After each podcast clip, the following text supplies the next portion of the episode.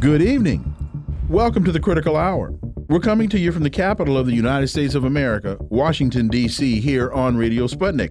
I'm your host, political scientist, author, and nationally syndicated columnist, Dr. Wilmer Leon. I'm joined here by my co host, political analyst, Garland Nixon. Thank you, Wilmer. For the next two hours, we will explore and analyze the salient news stories that are impacting the global village in which we live.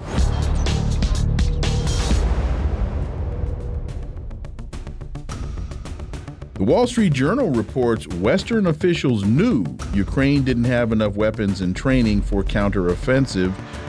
Western officials hoped Ukraine could break through anyway. They reported Saturday that Western officials knew there wasn't enough training, there wasn't enough equipment for this counteroffensive. So, folks, this is what happens when you go to war on a wing and a prayer.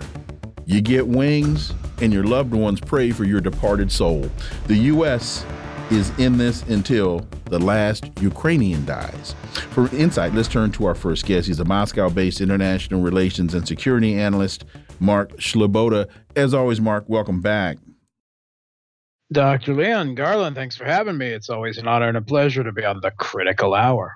So the report reads when Ukraine launched its big counteroffensive this spring, Western military officials knew Kiev didn't have all the training or weapons, from shells to warplanes, that it needed to dislodge Russian forces. But they hoped Ukrainian courage and resourcefulness could carry the day. Well, they haven't. Mark, this also provides to me greater clarity or insight into Zelensky's most recent comments, and please, basically saying, Y'all sent me out here, give me something to fight with. Mark Sleboda. Yes, I quote the great Homer Simpson, Dolt. Right? yep. Um, who who could have saw this? Who could have seen this coming? So uh, the U.S., the rest of NATO, send their proxy Kiev regime uh, on an offensive. Yes, with with uh, a few abbreviated weeks of NATO training, a hodgepodge of uh, different uh, NATO equipment, NATO intelligence, NATO funding. Go get them, right? Uh, what they're doing this uh, expected, uh, according to the NATO plans for this conflict, to operate with a complicated combined arms warfare that the uh, Kiev regime military has never uh, used effectively or never used before. Uh, the troops provided these are were supposed to be a tabula rasa.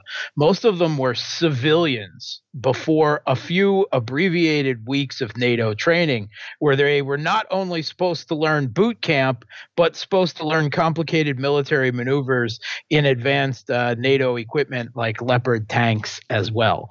This being set into a fortified and entrenched echeloned Russian defense built up over six months, um, uh, filled with a complicated uh, uh, repeat mazes of minefields everywhere. You don't give them enough minefield removing equipment. I don't know that all of NATO has enough mine removing equipment to do this. You send them into a situation with no effective air defense, the air defense that the Kiev regime tried to move in, was destroyed uh, at, at, close to the front lines two weeks before they launched the offensive and what they called the S 300 genocide. Uh, so, leaving Russia with complete, complete air superiority over the battlefield. This is an attrition war fought largely with artillery. And the Kiev regime's top general Zaluzhny told the Western press that in the South, you know, and in general, but particularly in the South, where this offensive was to be launched, that Russia had a 10 to 1 artillery advantage. On top of that, NATO is running out of artillery shells. Russia has an electronic warfare advantage. And despite all the rules of offense, right, the manpower requirements for it, it appears that the manpower were essentially in the theater one to one. There is no way this could have succeeded. If a NATO army trained in, in combined arms warfare had gone into the situation facing that uh, opposing air superiority and uh, that type of artillery mismatch, they would have perished as well. There was no way they had a chance of succeeding. So um, it, it becomes a question of of why did they send them then if they knew they didn't have enough equipment? And there's two two readings to this. The first more generous reading we have heard um, firsthand from numerous uh, Kiev regime uh, militant POWs that have been taken in the south. They s- uh, tell us that during this uh, uh, NATO training they had in Europe uh, a big substantial part of the training was bringing in psychologists other type of head shrinks to convince them that they were supermen that they had nato training and nato equipment that the russians were weak untrained and mm-hmm. had no morale. And all they needed to do was show up and brandish their NATO weapons in the air, and the Russians would all go running from their defenses. They tried to drill this into them. This was this was their their strategy. This it's not a strategy, but it was their strategy. And we haven't only heard it from that, we've heard it repeatedly from Mark Milley. He's saying it still today. He's saying that the um, uh, Russian forces have low morale, no training, poor equipment. They don't want to be there. And uh, that, you know, the Kiev regime forces, uh, despite the press gangs operating the country to force people into, uh, you know, into military service, beating them unconscious and dragging them away in vans in hundreds of uh, videos uh, uploaded onto Ukrainian social media that they have great morale, they have great training. See, I think that what the, the the secret here is that all of the Ukrainian troops, the Ukrainian uh, political officials serving the Kiev regime, as well as uh, uh, the NATO, the uh, Western political elite and commentariat, have all been hooked on this new Pentagon top secret combat drug. It's called hopium. Yeah, I think they found a bag of it at the White House the other day. we we hope this is the case. I I can only guess that they that some really really bad military analysts I hope not at the Pentagon, but it appears so, came away with this lessons learned from Kherson and Kharkov last year when the Russian military simply withdrew, essentially leaving the Kiev regime the battlefield and granting them uh, their successes, uh, d- despite inflicting uh, very significant long range casualties on them as they withdrew. Um, and, uh, you know, that this was, you know, the, uh, a, a result of how the Russian military shows its weakness rather than the fact that the Russian military finally realized what I pointed out from the beginning that they didn't have enough manpower after the Kiev regime's waves of mobilization when they initially went into the conflict and they had to, they had gained too much land too quickly to defend it all and uh, they needed to consolidate until the reservists that they called up and the new volunteers could be trained up um, now they are, and it's a completely different story and um, you know the, the whole Western uh, you know uh, political elite, uh, the promising uh, Kiev regime victory, and they would blow through Russian defenses in hours and reach the Sea of Azov in, in less than two days. They all oh, they all you know should have egg on their face, and those that are analysts, professionals, should be fired from their jobs right? If there was any type of justice in this world. The second, less generous reading of all this is that they they didn't really believe their own Kool-Aid. You know, they they hadn't that's not the problem that they hadn't drunk their own Kool-Aid. The problem is that they knew all of this and they wanted as many Kiev regime forces, they wanted as many Ukrainians to die as possible because they knew this conflict could not be won and they knew that either directly or indirectly Russia would in one way or another at the end of the conflict be governing large parts of Ukraine. And they wanted as many Ukrainian families as possible to hate Russia and Russians as a result of loved ones, mobile, you know, uh, conscripted lives lost, uh, so that they would be unable to continue, uh, you know, this governance project, right? Kind of a, a failure of winning of hearts and minds. Well, Mark, you have created the perfect segue for the next story because there's talk about Poland wanting to come into Western Ukraine, et cetera, et cetera. The President Putin spoke on that. Lukashenko claims Wagner fighters want to go into Poland. That's a big story, Mark. What do we know about Lukashenko, Wagner, Poland, Western Ukraine, all of that stuff? Yeah, so uh, Lukashenko, uh, the president of Belarus, and Putin had a, a sit-down powwow.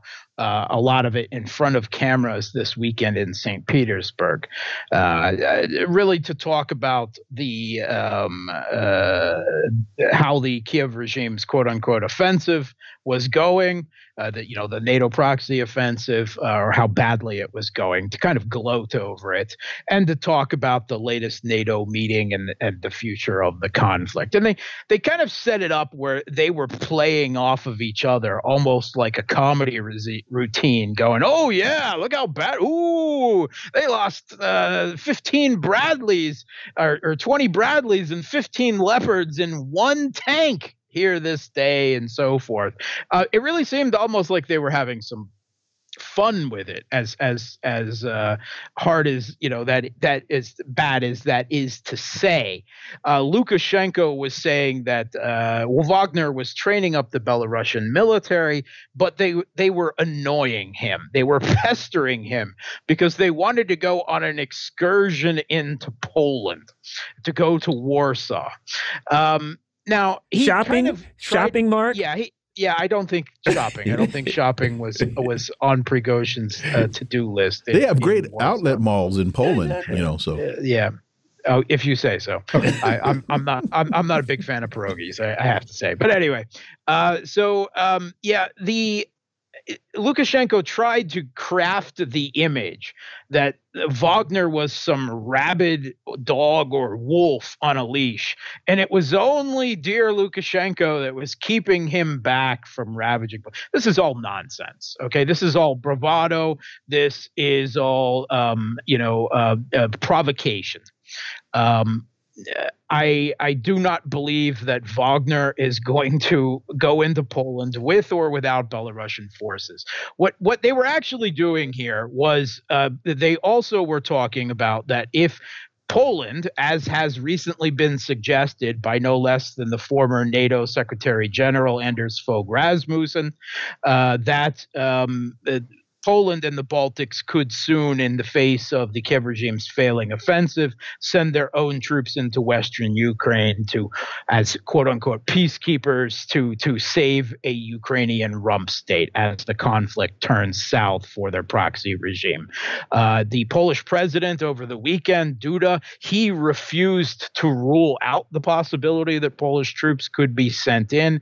And Putin and Lukashenko both seem to take seriously and mentioned intelligence that says that Poland uh, and probably with a select number of allies, it would, would be kind of strange if Poland within, went in without at least the U.S., the U.K., and probably the Baltics as well. And Putin was essentially drawing a red line at, at, Lukashenko helping him out with it, saying that if Poland sent troops into Western Ukraine, that was completely unacceptable. They would not be allowed to keep an inch of Ukraine um, in whatever fashion. Um, and that Belarus would send armed forces uh, to fight them in Western Ukraine, presumably with Wagner as well. Mm. At which Pol- uh, Putin brought up that any attack on Belarus uh, because of the Union state would be an attack on Russia. Mm-hmm. Uh, so they're drawing, they're attempting to draw a red line here and saying that if Polish troops go in, then it's all going to kick off. Mark Sleboda, and we don't want that. Mark Sleboda, as always, thank you so much for your time. Greatly, greatly appreciate that analysis, and we look forward to having you back. Thanks for having me. Folks, you're listening to the Critical Hour on Radio Sputnik. I'm Wilmer Leon. I'm joined here by my co host, Garland Nixon. There's more on the other side. Stay tuned.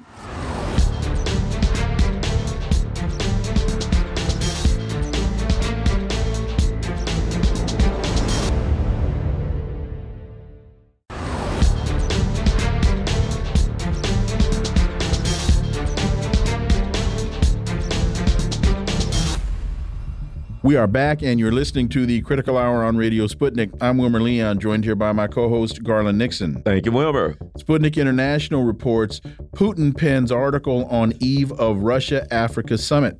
On July 27 and 28, St. Petersburg will host the second Russia Africa summit and Russia Africa Economic and Humanitarian Forum.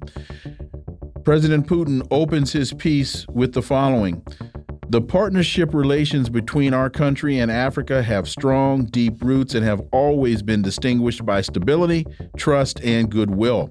We have consistently supported African peoples in their struggle for liberation from colonial oppression. What are we to make of this? Well, for insight, let's turn to our next guest. He leads the Speaking Truth to Power section of Tell the Word, a publishing arm of the Ecumenical Church of the Savior in inner city Washington. He served as a CIA analyst for 27 years. His duties included chairing the National Intelligence Estimates and preparing the President's Daily Brief. And in January 2003, he co created Veteran Intelligence Professionals for Sanity, known as VIPS. Ray McGovern, as always, Ray, welcome back. Thanks. So, uh, President Putin continues We have provided assistance in developing statehood, strengthening their sovereignty and defense capability. Much has been done to create sustainable foundations for national economies. You know, Ray, as I read this, there were a few things that were conspicuously absent.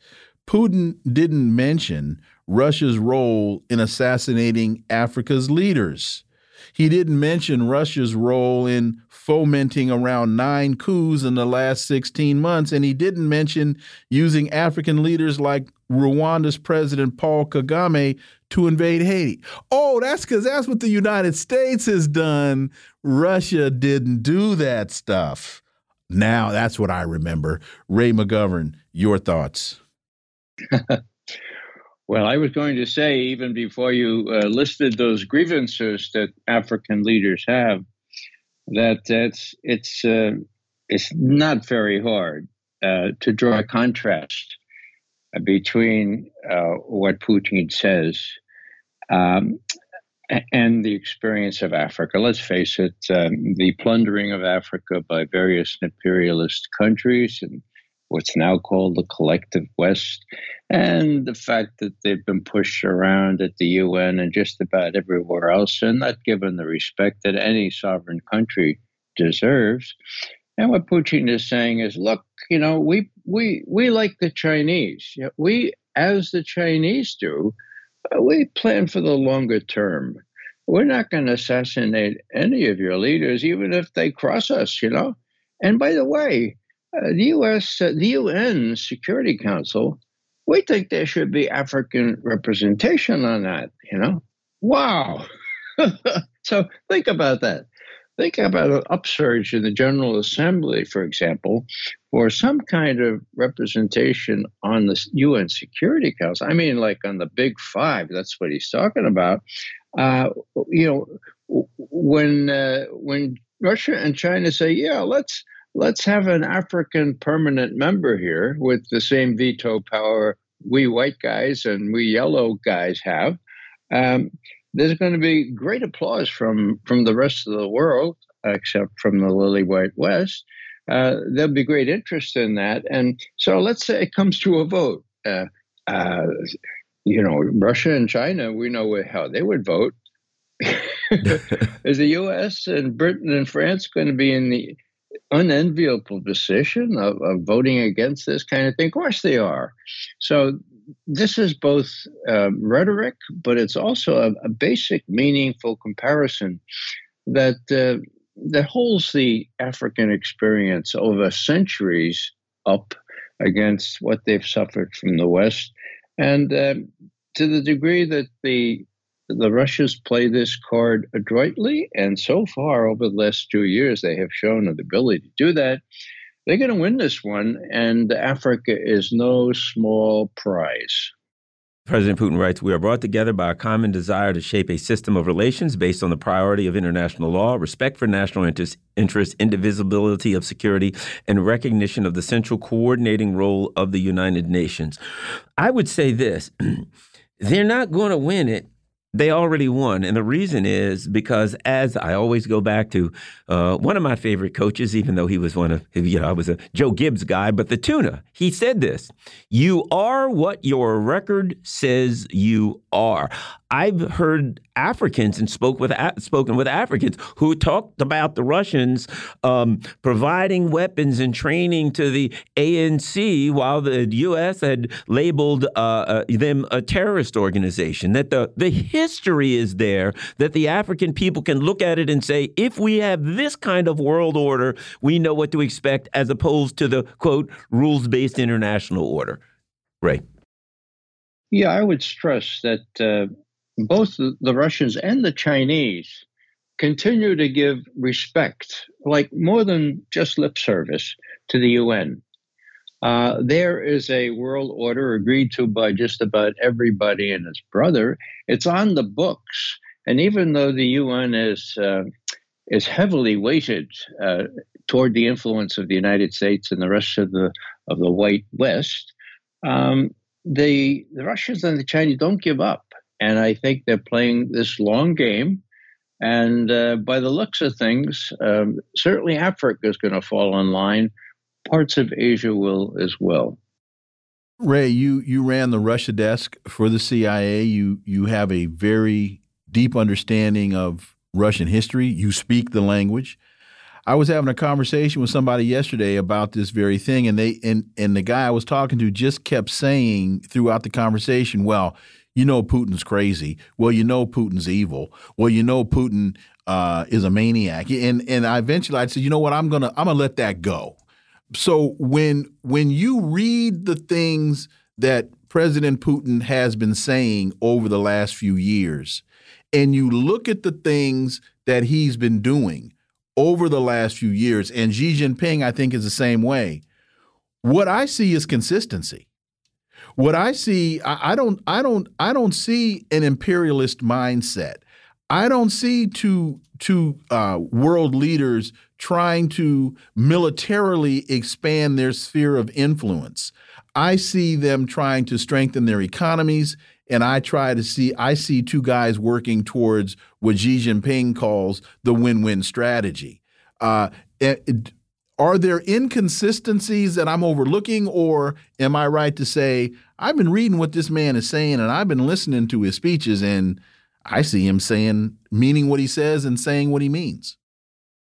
Well, you know, you're absolutely right, of course, Wilmer. Um, my best friend up in New York, uh, high school, college, you know, we still we still get together, right? Uh, and he looks at me with all my experience that you just mentioned, and he says, Ray, I'm not, I, no matter what you say about Putin, I'm not going to believe a word of it. you know, and, and I say, okay, all right. So he's a, a Rachel Maddow aficionado, and there's no hope for for him. So there are lots of people that been, have been brainwashed like that. But you have it right, Wilmer. What the Russians and the Chinese are doing is reacting to this brainless uh, uh, gasp of imperialism by the U.S.-led uh, Lily White West, and uh, their reaction is most dangerous to the U.S. because it's together, it's two against one now even Kissinger, even Brzezinski, all of them said, whatever you do, don't do two against one, guys. We can't win that one. And they can't. So it's just a matter of time now if the Russians are patient. You know, uh, patience has been the, the hallmark of how Putin has reacted to all these, you know, all these provocations.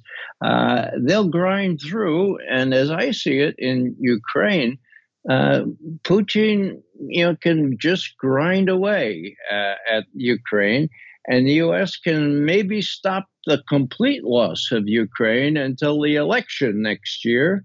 Although that even that is doubtful, uh, but there's uh, there's incentive on both sides uh, just to keep grinding away because the losses are all on Ukraine's side. There's no hope of winning and the sorrowful thing, of course, is people are dying, people are bleeding. There's there's there's no end in sight, and these are human beings just like you and Garland and me. Ray, um, there's an interesting article, and this is a big issue about Poland. Russian President Vladimir Putin has accused Poland of harboring territorial ambitions concerning Belarus, warning Poland that Moscow would defend the Belarusian territory in case of a Polish incursion. Of course, Pol uh, Belarus has said, we're not going to let NATO creep up to our doorstep either. If Poland uh, creeps into NATO, uh, there's going to be fireworks. Very dangerous time. Your thoughts, Ray? And before you respond, Ray, let me, let me throw one more question in there if Poland is harboring territorial ambitions, is that the United States whispering in Poland's ear? You know, you might want to think about making this move because we're trying to get Vladimir Putin to fight a two front war. Well, Wilmer, uh, if you look at the, our so called leaders in Washington, uh, they lack my respect. Uh, it's hard for me to believe that the Poles uh, take them seriously. So, do you think the Poles would hesitate to do what they want to do anyway uh, without a uh, nihil obstat, so to speak, uh, from the U.S.? No, they go ahead. That's the dangerous thing. That's why Putin is up in arms here. That's why he's warning look, Poland, don't have any territorial ambitions towards Belarus. If you want to go into Western Ukraine, well, that's really interesting. Uh, Putin doesn't say, better not do that. Uh, he says, "Well, you've done that before, um, so I don't know. I don't know how." Whether Putin would say, "All right, well, having the Poles in there with uh, Zelensky's successors would be better than what exists now, or what?" But he draws this distinction, and I think I see a difference in this distinction uh, between how Russia would react were Belarus to be uh, invaded or, or attacked, and how Russia would react if the Poles went into Western Ukraine and put some semblance of order in what is now a very disorderly situation. There's a piece here. It says, still warning Poland against targeting the Belarusian territory. Putin said part of the Polish territory was a gift from Soviet ruler Joseph Stalin to the country and that Russia might be forced to remind Poles about it. What does that mean to you, Ray McGovern? Well, this is pretty sensitive because it's true, right? And uh, the Germans have inherited parts of Poland as well. And they didn't like Putin saying this either. The interesting thing, folks, is that Russian TV viewers were treated last night to a, a long history on, on Poland's machinations in this respect and it was almost as though they're pre- being prepared for war against Poland if Poland uh, uh, starts to do the kinds of things that Putin warned against. So this is real. There is this history. It's indisputably true. Not only Poland, but Germany was heir to some gifts from Stalin and others. And that really should rub the wrong way, and it does. We'll see how the Germans and Poles react to that. We got two minutes, Ray. Storm clouds gathering in the Black Sea. Indian punchline. Your thoughts? Well, this fellow uh, Badru Kumar is really, really good. He's the Indian former diplomat. Uh, you know, he cites a whole bunch of things, and he says that the uh, the the tin the uh, the wood is is very very volatile. The tinder is there in in the Black Sea, uh, and he quotes people like General Mark Milley saying, well, no, no, no, this is going to be okay. Um, the quote, Ukraine, U- Ukraine's counteroffensive is, quote, far from a failure, end mm-hmm. quote, but the fight's going to be long and bloody.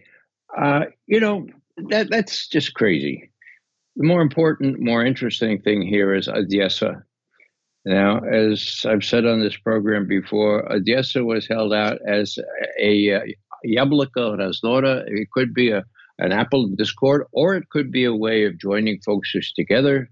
That was nine months ago. Putin in Valdai, open overture. That looks like it's over now. Mm. Odessa is being pummeled, and it looks like the, the Russians are trying to make the point. Okay. Look, you know, we offered you a deal. No more. That's the end of Odessa, as far as you're concerned. Ray McGovern, as always, thank you so much for your time. Greatly appreciate that analysis, and we look forward to having you back. Most welcome. Folks, you're listening to the Critical Hour on Radio Sputnik. I'm Wilmer Leon. I'm joined here by my co host, Garland Nixon. There's more on the other side. Stay tuned.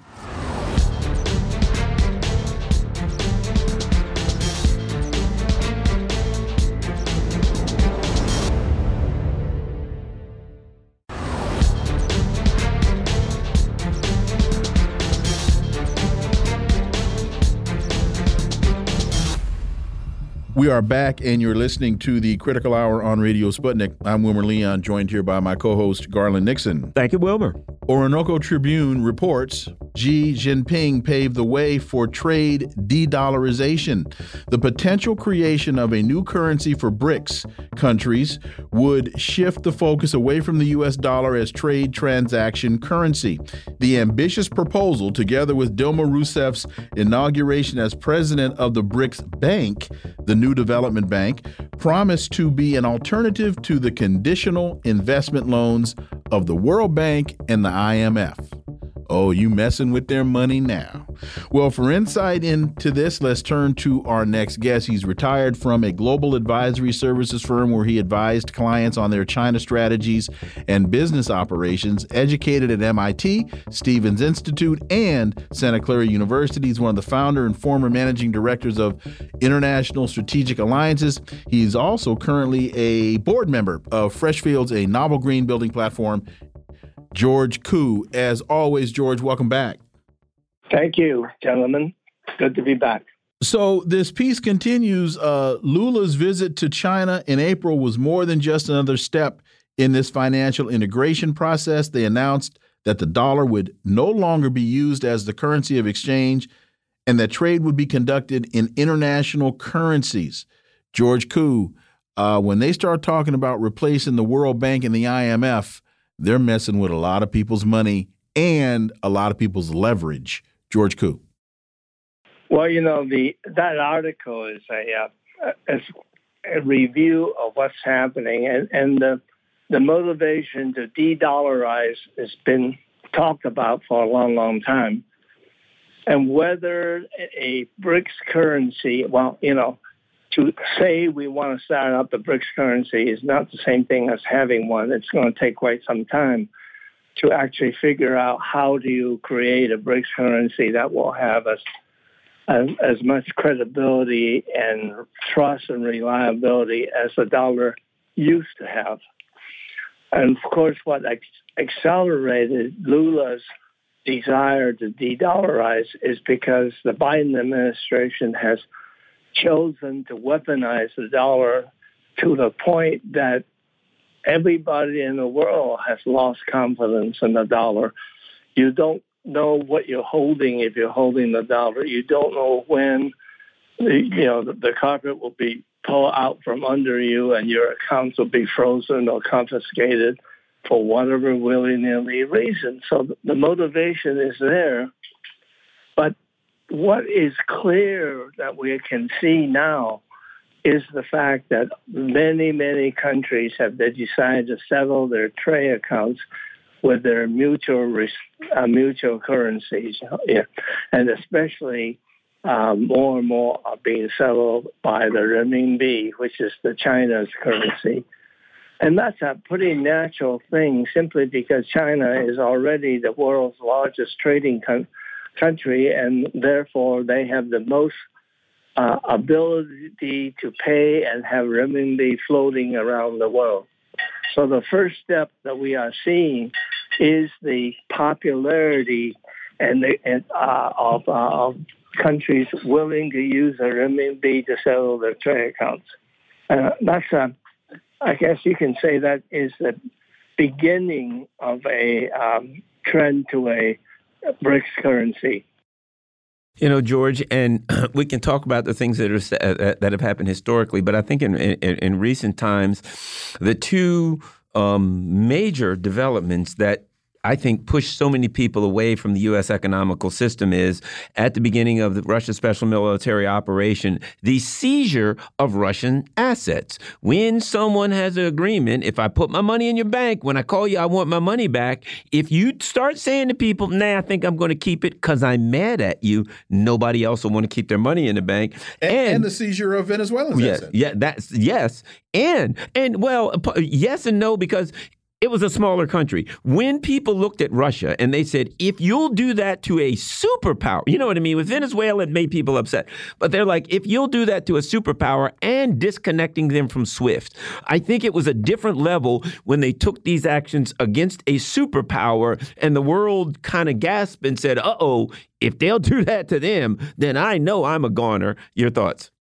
Well, yeah, yes to that, but also I think the third world uh, countries also observe that Russia took the blow and recovered very nicely, and their eco- economy is actually doing better now uh, as a result of being de-dollarized. And, and so, you know, so the, the, the confidence of the American dollar has been severely eroded by the Biden's uh, administration's action. And don't forget, after they uh, hightail out of Afghanistan, for no good reason other than the fact that we don't like the Taliban government, we confiscated the foreign reserve that Afghanistan held in the U.S. And, and, and there's no justifiable reason other than the fact that we didn't like the government. And that shakes the confidence and trust in the American dollar as well. As South China Morning Post reports, China Africa relations. Wang Yi pledges Beijing will help Ethiopia recover and boost ties with Kenya and Nigeria. As the West steps up to its democratic ventures into Africa, China has renewed its commitment to the continent with debt relief and reconstruction pledges for Ethiopia and calls on new administrations in Kenya and Nigeria. What does that say to you, George? Reconstruction and debt relief when all the United States seems to have on the table is war. Yeah, and and and African countries know very well that when the American government steps in, um, there's absolutely the opposite of a free lunch. You want help, you're going to do this, you're going to do that, you're going to have elections and you're going to have elections the way we think it's it's going to be done. China has been steadfast, consistent in not supporting governments one way or the other. They just deal with whichever is the government representing the country, and they are there to help. They're not there to dictate terms. And, and, and that shows up in Ethiopia. It shows up in Kenya, especially when the Kenya uh, president, when he ran for president, he was criticizing the China projects and the, and the debt load. And after after he got elected, he turned right around and said, "Hey, China, let's talk because we can work with you. We can't work with the Western countries. We're we're, um, we're fully debt loaded by them, and there's no no place to turn." Here's an uh, interesting article. Despite campaigns and sanctions against Chinese made fifth generation telecom equipment in the US, Europe, Australia, Japan, and elsewhere, Chinese telecom giant ZTE share prices have risen by 61% over the past year, while those of rivals Ericsson and Nokia have dropped 30 and 22% respectively. That's the other part. We're seeing the US try to use all machinations that it can to stop China's technological rise, to stop China from being able to sell their goods. But the fact that they're passing us, they're making good stuff, they're putting money into um, uh, uh, uh, educating their people and having STEM graduates is uh, taking its toll. Your thoughts? Yeah, well, you know, the uh, Western media tend to re report on um, one part of the elephant, but never the whole elephant. And what the Western media and the American public does not know is that ZTE is number two to Huawei, and ZTE is doing, you know, tremendously, tremendously successful. And since Huawei is not public and don't disclose, we can, but we can assume and extrapolate that Huawei is not suffering any pain as a result of the U.S. sanctions. The countries that are suffering pain are the ones who pay attention to Uncle Sam and decide not to go the way of Huawei and ZTE and put in the most advanced uh, 5G systems, they're falling more and more behind. And as that article um, shows, it, 5G means much, much more than just the mobile phone users, which is what the Western media tend to emphasize when they say wait till Nokia and Ericsson catches up and it's going to be fine, it's going to be okay. Actual actual fact is 5G is in the automatic, uh, uh, um, sorry, artificial intelligence, in automation, in manufacturing, in um, and in the running of hospitals and healthcare. it, it's in all aspects where you need 5G, including uh, self-driving uh, motor, motor vehicles, and all those things. China is way ahead. Why? Because they originally start out with a big, huge domestic market, and the profit that ZTE and Huawei makes can reinvest to do the advances to deploy in all aspects, all fields.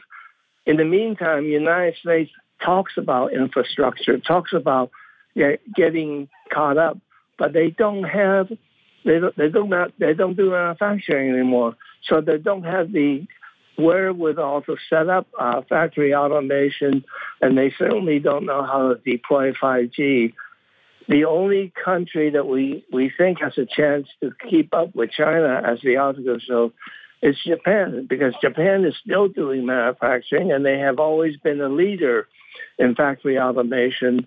And as long as they work and, and do trade with China, they will benefit from the advances that both countries are making. So what we see is Biden's, again, Biden's administration's effort to suppress China, but at a much greater own cost. It's a it's a own goal many times over, I guess, to use a uh, the uh, football term. Um, it's not making any sense. Sorry. And we have just about two minutes left, and I keep going back to remembering when China was reaching out to the United States, trying to engage in joint ventures. 5G was one of them, and the United States told China no.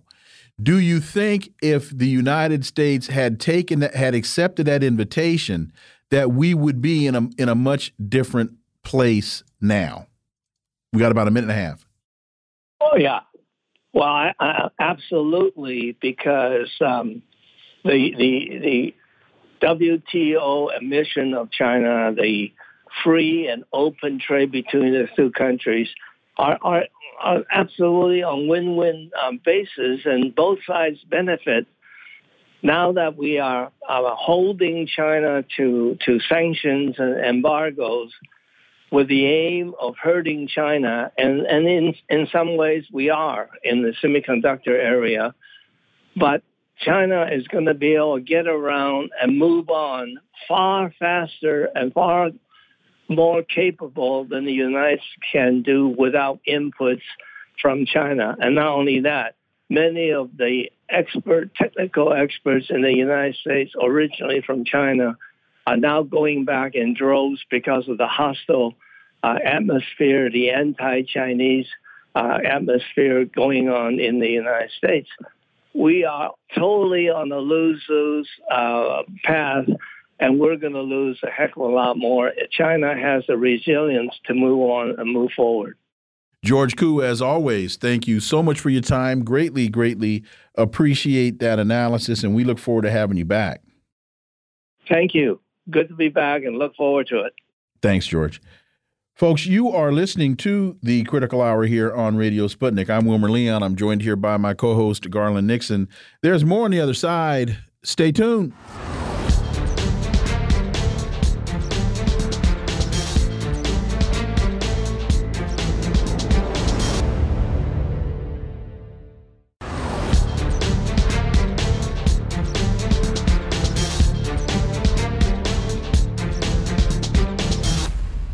We are back, and you're listening to the Critical Hour on Radio Sputnik. I'm Wilmer Leon, joined here by my co host, Garland Nixon. Thank you, Wilmer.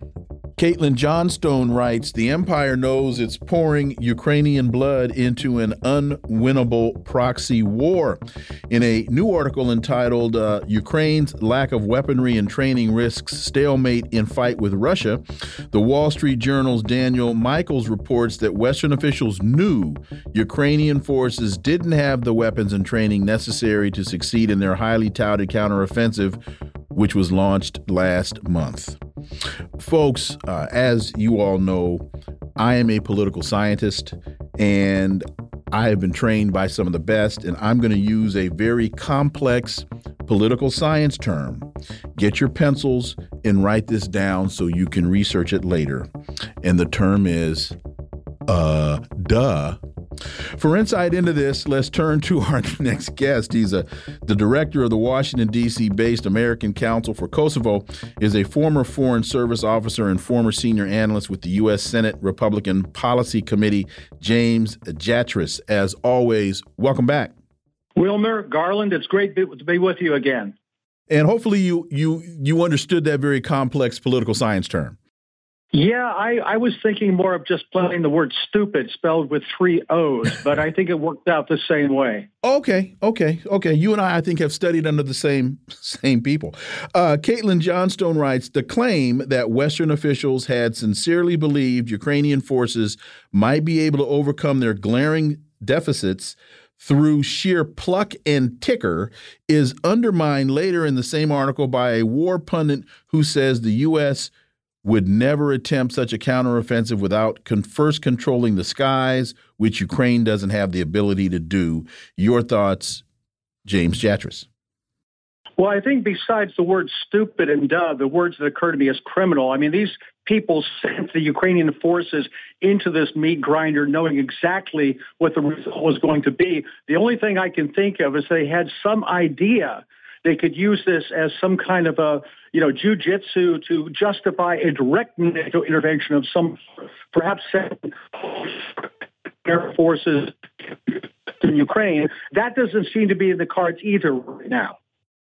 You know, Jim, it, it, seems to me that a big part of this is simply a callous disregard for the lives of Ukrainians. When we look at some of the things, you know, we look around the world at the Iraqis, we look at the Syrians, tens of hundreds of, I think six or 700,000 Syrians dead when the U.S. is, you know, moved to try to overthrow the, go the, the government. So if you're will simply just turn a blind eye to hundreds and hundreds of thousands dead, then as far as the Ukrainians are concerned, that's just cannon fodder. And the history is what the U.S. rather than engage and come in and fight, usually the U.S. empire just says, "I'm going to throw you guys out, as many of them you die as possible, and in the end, we'll just walk away and go on to our next misadventure." Your thoughts, Jim? No, I think you're absolutely right. And disregard for life is is really truly criminal. And uh, I, I, I'm a little bit surprised, really, that Ukrainians are still willing to do this callousness of their so-called supporters. You really wonder at what point Ukrainian soldiers start deciding that they're safer trying to shoot their officers than trying to shoot the, the Russians, because they just these men can just keep going to their deaths. It seems rather meekly, and you keep wondering how long they'll they'll keep doing this. Is this since you mentioned criminal? Is this also a matter of the military industrial complex seems to be in greater control of policy than the military. And and so those who are promoting all of this and championing all of this, a lot of them, they aren't soldiers. They're they're marketing people for the military, for the military, for for the for the for the military manufacturing entity. And so Joe Biden has just been getting steamrolled here by financial interests, not not military winnability. Well, I think when we talk about the military, we have to make a distinction between the professional armed forces, the people who really hopefully know something about their trade, and the upper levels who are really just politicians in uniform and looking for their next job with the very same military industries that you're talking about. That really is one entity rather than two, at least when we come to the leadership levels. And frankly, I don't think Joe Biden is being steamrolled. I think he is corrupt up to his eyeballs, including corruption from Ukraine, and he doesn't care any more than the rest of them and is more than willing to go through the motions and send these people to their deaths and keep enriching all of the, the, the, the interests that you're talking about. You know, Jim, bringing that up and I, I, bringing up Joe Biden's uh, corrupt uh, relations to Ukraine, you know, I also have to wonder if that is an element here. I mean, recently information came out that the FBI, the corrupt FBI, had all the evidence they needed to basically lock Joe. they got recordings, they got everything that Joe Biden was as crooked as a barrel of fishhooks in Ukraine, and they won't touch him. But you have to think to some extent, there's some people in Ukraine who got enough information that they can twist Joe Biden's arm. So you have to wonder how compromised he is. Well, we don't have to wonder. We know he's extremely compromised. Your thoughts on that? No, you're absolutely correct. And, and, again, I'm not even sure it's a matter of trying to have him have leverage over him. I think he is really part of the cabal and that he just doesn't, doesn't see the world any different. He doesn't see any distinction between his own personal interests and the the kind of other interests that he's carrying water for, whether in Ukraine or whether in the U.S. military uh, industrial complex. So as we look at this, we know there's battlefield warfare and then there's info warfare. And so when you have the Wall Street Journal and when you have other major Western papers and outlets publishing stories that they knew going in this was a boondoggle. They knew going in Ukraine couldn't win this. That they that that this was a waste of of blood blood and treasure. How now does the Biden administration spin this or is the fact that the Wall Street Journal is publishing this evidence that the narrative has spun beyond their ability to control it?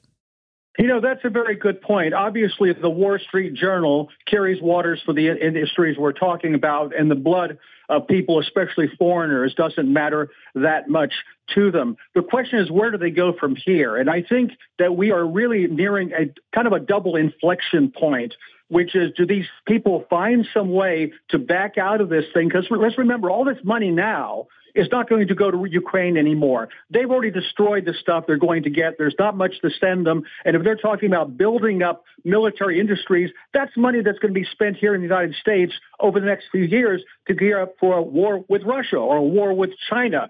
As as far as the uh, the, uh, the you know the uh, the other interests involved. That's where I think they're looking to the future there. The question is now the other inflection point. What do the Russians do now? Once the Ukraine is finally defeated, which they're on the edge of doing now, do they just sit back and wait for the next provocation from NATO, or do they figure out what their goals are in Ukraine and implement them by military force? You know, something that's interesting too, and uh, Caitlin Johnstone talks about David Ignatius of all warmongering mouthpieces over at the Washington Post. Two things I want to uh, uh, ask you about in in, in the particular uh, uh, uh segment that she bring it takes out of his article. Number one, he says. Meanwhile, for the United States and its NATO allies, these 18 months of war have been a strategic windfall at relatively low cost, other than for the Ukrainians, the ones that are still alive.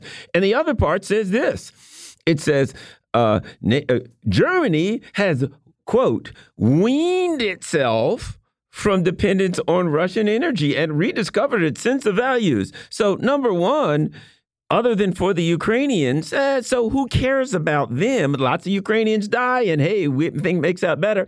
And I don't think Germany weaned itself from anything. I think we blew up their pipeline, Jim. I, I think so too. And frankly, I'm a little astounded how many people accepted this lame explanation of, uh, you know, Gilligan and the skipper and some little boat really did it from Ukraine. And even people who, who, who were skeptical about that in the first place then look at these so-called leaked documents and say, well, I guess that means the Ukrainians ra- uh, did it. I don't think there's any other explanation than that the United States and maybe some other country like Norway did it. But the idea that people would accept this very lame uh, suggestion is is just baffling to me. Um, yeah, you know, when you talk about weaning somebody, you know, you take a baby off breast milk and baby dies. You know, I mean, they, that's sort of needed for them. The only reason for the miracle of German economic recovery and industrial recovery after World War II was cheap gas, cheap energy, first from the Soviet Union and then from Russia, we have weaned them off of their lifeline. Lifeline. We are deindustrializing Germany. Uh, if that if that's somehow Germany finding its conscience or something, I, I don't know what it would look like to actually destroy Germany.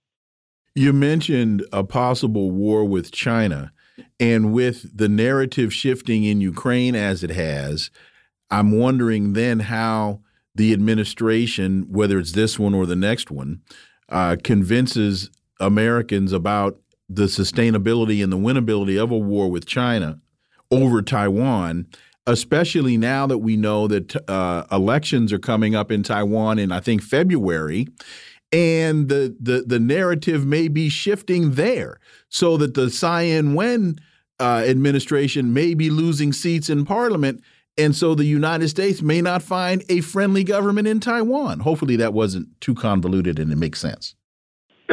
no, not at all. In fact, many people have been looking at uh, Henry Kissinger's recent trip to China as some indication that some people in the administration are looking for an off ramp in Ukraine so that we can then concentrate on a future war with China. Why the Chinese would want to assist with that off ramp, knowing very well that it's designed to uh, focus all of our attention on China, I really can't say. But I think you're very right to point to the upcoming elections in Taiwan, that if the Kuomintang wins those elections, uh, I think we will see a very serious shift in Taiwan policy that people in Taiwan don't want to find themselves in the same situation as Ukraine. And I think a lot of people there are going to be looking at Ukraine right now and say, do we want to see people on Taiwan being squandered the same way that the Americans are squandering Ukrainians? You know, Jim, you have a, a, a, extensive experience in international geopolitics, not just Taiwan. I've read where recently Duterte, former Filipino um, president, said, "Hey, if we get in a war against China, well, this place will be a graveyard." I think other countries around the world have to be looking at Ukraine saying, holy moly, if we align with the U.S. and there's any kind of problems in, in our region, they'll just throw us under the bus. And looking at Germany saying, and they'll blow up anything we have. These people have no conscience. Your thoughts, Jim? No, you're right about that. And I think when Duterte first came into office, he was sort of moving closer to China, and somehow we yanked him back on the reservation. Now, the current president, Bongbong Marcos, uh, we'll have to see which direction he goes. But if he has any sense, he also will be looking at the lesson of Ukraine and does not want to throw uh, Filipino lives down the rat hole the way that Kiev has been willing to do with uh, Ukrainian lives. James Jatras. Thank you so much for your time. Greatly, greatly appreciate that analysis, and we look forward to having you back. Thank you so much. Folks, you're listening to the Critical Hour on Radio Sputnik. I'm Wilmer Leon. I'm joined here by my co host, Garland Nixon. There's another hour on the other side. Stay tuned.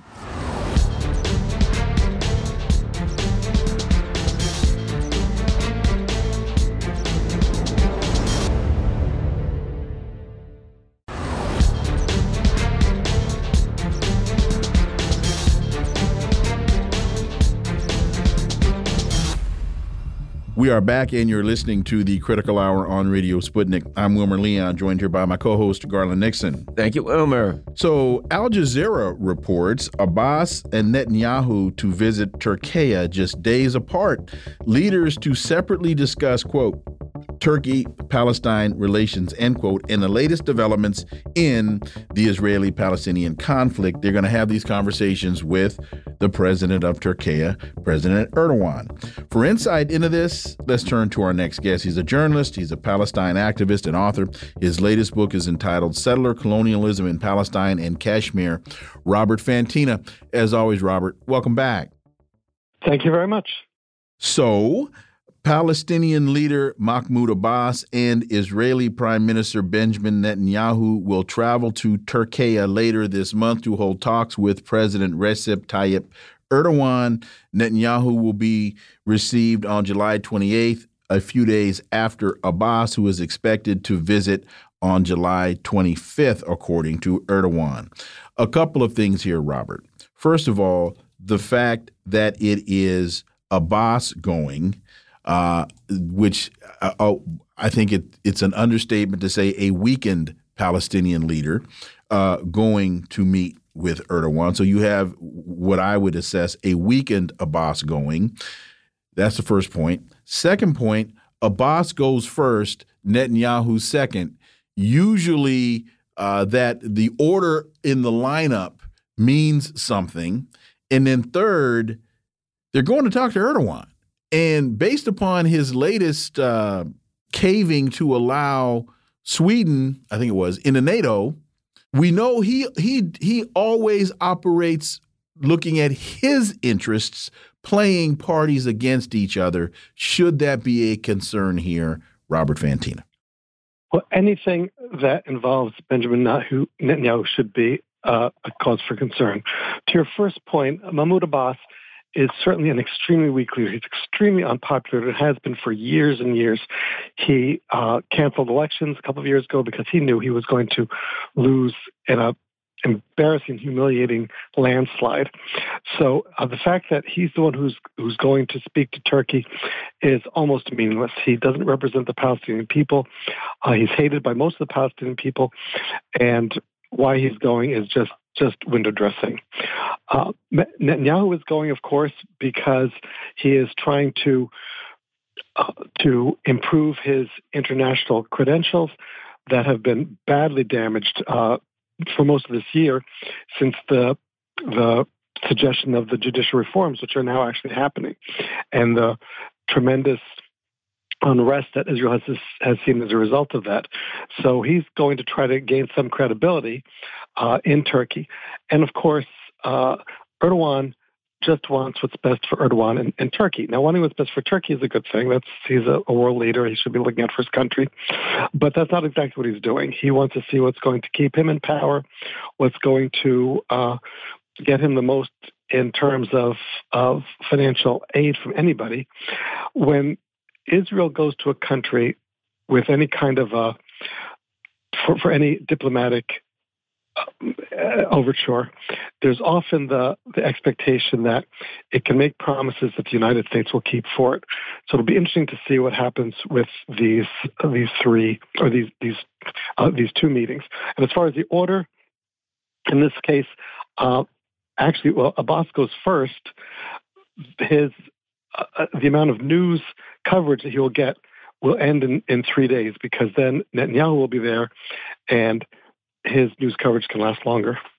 You know, um, the, Netanyahu went to China recently. Um, the Chinese um, diplomatic corps has offered to be part of um, mediation team between the Israelis and um, uh, uh, um, the Palestinians. Do you think maybe the U.S. empire would that would be extremely embarrassing for them? So would it, were Israel to allow that to to occur? Do you think maybe they're looking at Turkey? They're looking for some ways to go in a different direction and not allow China to be part of that. That's very possible because United Israel, uh, which does whatever it wants to do and doesn't care what the United States says because it's going to the U.S. It knows will continue to give four billion dollars a year, but there does come a time when when there might be some caution exercised. Uh, but China's offer to broker some kind of agreement between Israel and Palestine, since it has just successfully done so a few months ago between Iran and Saudi Arabia, would be beneficial if Israel had any interest in peace with the Palestinians, which the Israeli government doesn't. They have no interest in that. If they did, they would adhere to international law. Uh, the idea of brokering an agreement is in itself nonsense because what needs to be done is, as I said, Israel needs to adhere to international law uh, remove and the occupation, remove the illegal settlers and the blockade of uh, Gaza, uh, and retreat back to the pre 1967 borders. Israel doesn't want to do that. Why? Why would it ask anyone to broker an agreement? So uh, it's going to Turkey to maybe look at a different different facade. But as far as the meat of the matter, they're not interested. There's a another article in the in Palestine Chronicle. Illegal Jewish settlers storm Greek Orthodox Church in Jerusalem. Two illegal Jewish settlers storm the Orthodox Church complex in the Mount Zion area of occupied Jerusalem, laid blankets on the ground, and announced that they would remain there. And then, when they were asked to leave, they started shouting insults and obscene racist, racist slurs and this piqued our interest because this is seems to be one incident in a litany of incidents. Uh, Israeli forces kill Palestinian teenager near Ramallah. Israeli forces kill Palestinian teenager driving car near Nablus. Palestine calls for probe into the killing of the teenagers. Israeli settlers storm Greek. So there just seems to be they are seem to be random acts, but a lot of random acts makes one think these aren't all that random. Very true. They're they're not random. They are uh, they are allowed and encouraged by the government. These illegal settlers, those that are storming the Orthodox Church now, and the others, they're all protected by the Israeli military. They have the approval of the Israeli government. Uh, prior governments were just as bad, but not quite as blatant. The current government is encouraging uh, violence against Palestinians, against Palestinian sacred sites, against Muslim sacred sites. And this latest one that where these uh, Israeli settlers stormed the Orthodox Church complex. It, it's just the latest in a long series, and it's not going to end there. As you say, we read every day about uh, Israeli soldiers or settlers killing innocent, unarmed Palestinians, shooting them in the back, shooting them in the head when they've they're lying helpless on the ground. This is typical of Israel and the Israeli government, uh, which supports all of these atrocities, and of course, the United States finances them all. Well, and I mean, right now there's there's a uh, a conference going on, I think, and it has to do with the uh, spitting attacks against Christians. That and, and, a lot of Americans don't know. They just think that okay, well, these Israeli settlers, the Israeli, the the the, the far right wingers, or they just you know hate Muslims, but they do all kinds of terrible things to the Christians, and they disrespect Christian holy places, etc. Your thoughts? It's true but that's not what we hear on the news in the on the mainstream media. It's uh, it's the news portrays it as a, a Jewish versus uh, Muslim uh, problem, and that they need to work things out, not recognizing how Zionists are discriminating against and violent towards uh, Catholics, uh, atheists, uh, people of color, regardless of their religion, who who happen to live in Israel. It's very widespread. It's very nationalistic. Uh, that Jewish, it's a Jewish state and only a Jewish state, and everyone else uh, basically need not apply. And if you're there, be ready to live as a second-class citizen. But this, the idea that the Palestine-Israel conflict has something to do with religion is nonsense. Uh, Israel would like to portray it as such because then it can say how Muslims are always violent against them which is completely hypocritical since it is Israel that is perpetuating savage violence against the, the Palestinian people. But uh, most people who follow the so called mainstream news are only getting a very small portion of the story.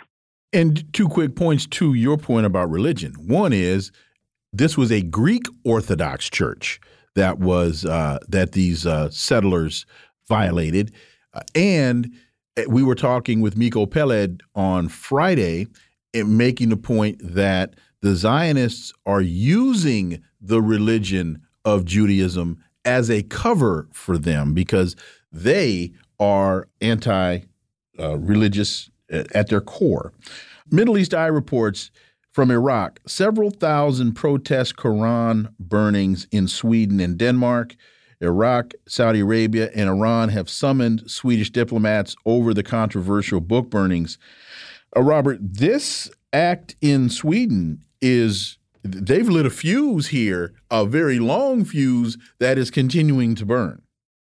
It's a long fuse, and there's a huge powder keg at the end of it, and someone had better put it out. The idea that it's acceptable to burn a sacred book is, uh, and in Sweden, I believe this is uh, protected under freedom of speech. You know, we all in the United States and here in Canada, we have freedom of speech, but that doesn't mean, you know, the old cliche, I can't yell fire in a crowded theater that's not on fire, right? That might with with freedom comes responsibility. So the people of Sweden do have have the freedom of speech, but there's also responsibility not to commit a hate crime while you are exercising your free speech. So this is going to cause uh, unrest and trouble in Sweden. It's a few people who are, uh, according to all reports, that, that are interested in doing these book burnings. They're allowed to do them, and the problems that it's going to cause are going to be far beyond the, the few people that are supporting this. And uh, the other thing is, you know, this is long term. You you know, when you look at the uh, uh, when you look at the U Ukraine conflict, when you look at the West versus China and all this kind of stuff, the Middle Eastern countries, the African uh, countries, the Latin American countries, they've been colonialized. They're everything about their culture has been disrespected and belittled. And to me, they look at it and they say, you know, why would we want to ally with these people who disrespect and belittle the very the sacred things of our culture? It's very true. These are are Sweden, the other uh, uh, Norway, Denmark, those other countries in that part of the world are going to have a diplomatic price to pay when they want to reach out to uh, mainly Muslim countries for for uh, any kind of alliances, trade, whatever it might, economic uh, alliances, because they have proven hostility toward Muslim people and the Muslim religion, the religion of Islam. So this is the, the repercussions of this are going to be far reaching. They are not being seen by government leaders now, but they are going to see them when it counts and when it's going to cost them in the future and cost them and the people of their countries when they they can't make certain agreements and alliances with countries that are that would be beneficial to them. Robert Fantina, as always, thank you so much for your time. We really appreciate that analysis and we look forward to having you back. Thank you very much. As always, my pleasure. Folks, you're listening to the Critical Hour on Radio Sputnik. I'm Wilmer Leon. I'm joined here by my co host, Garland Nixon. There's more on the other side. Stay tuned.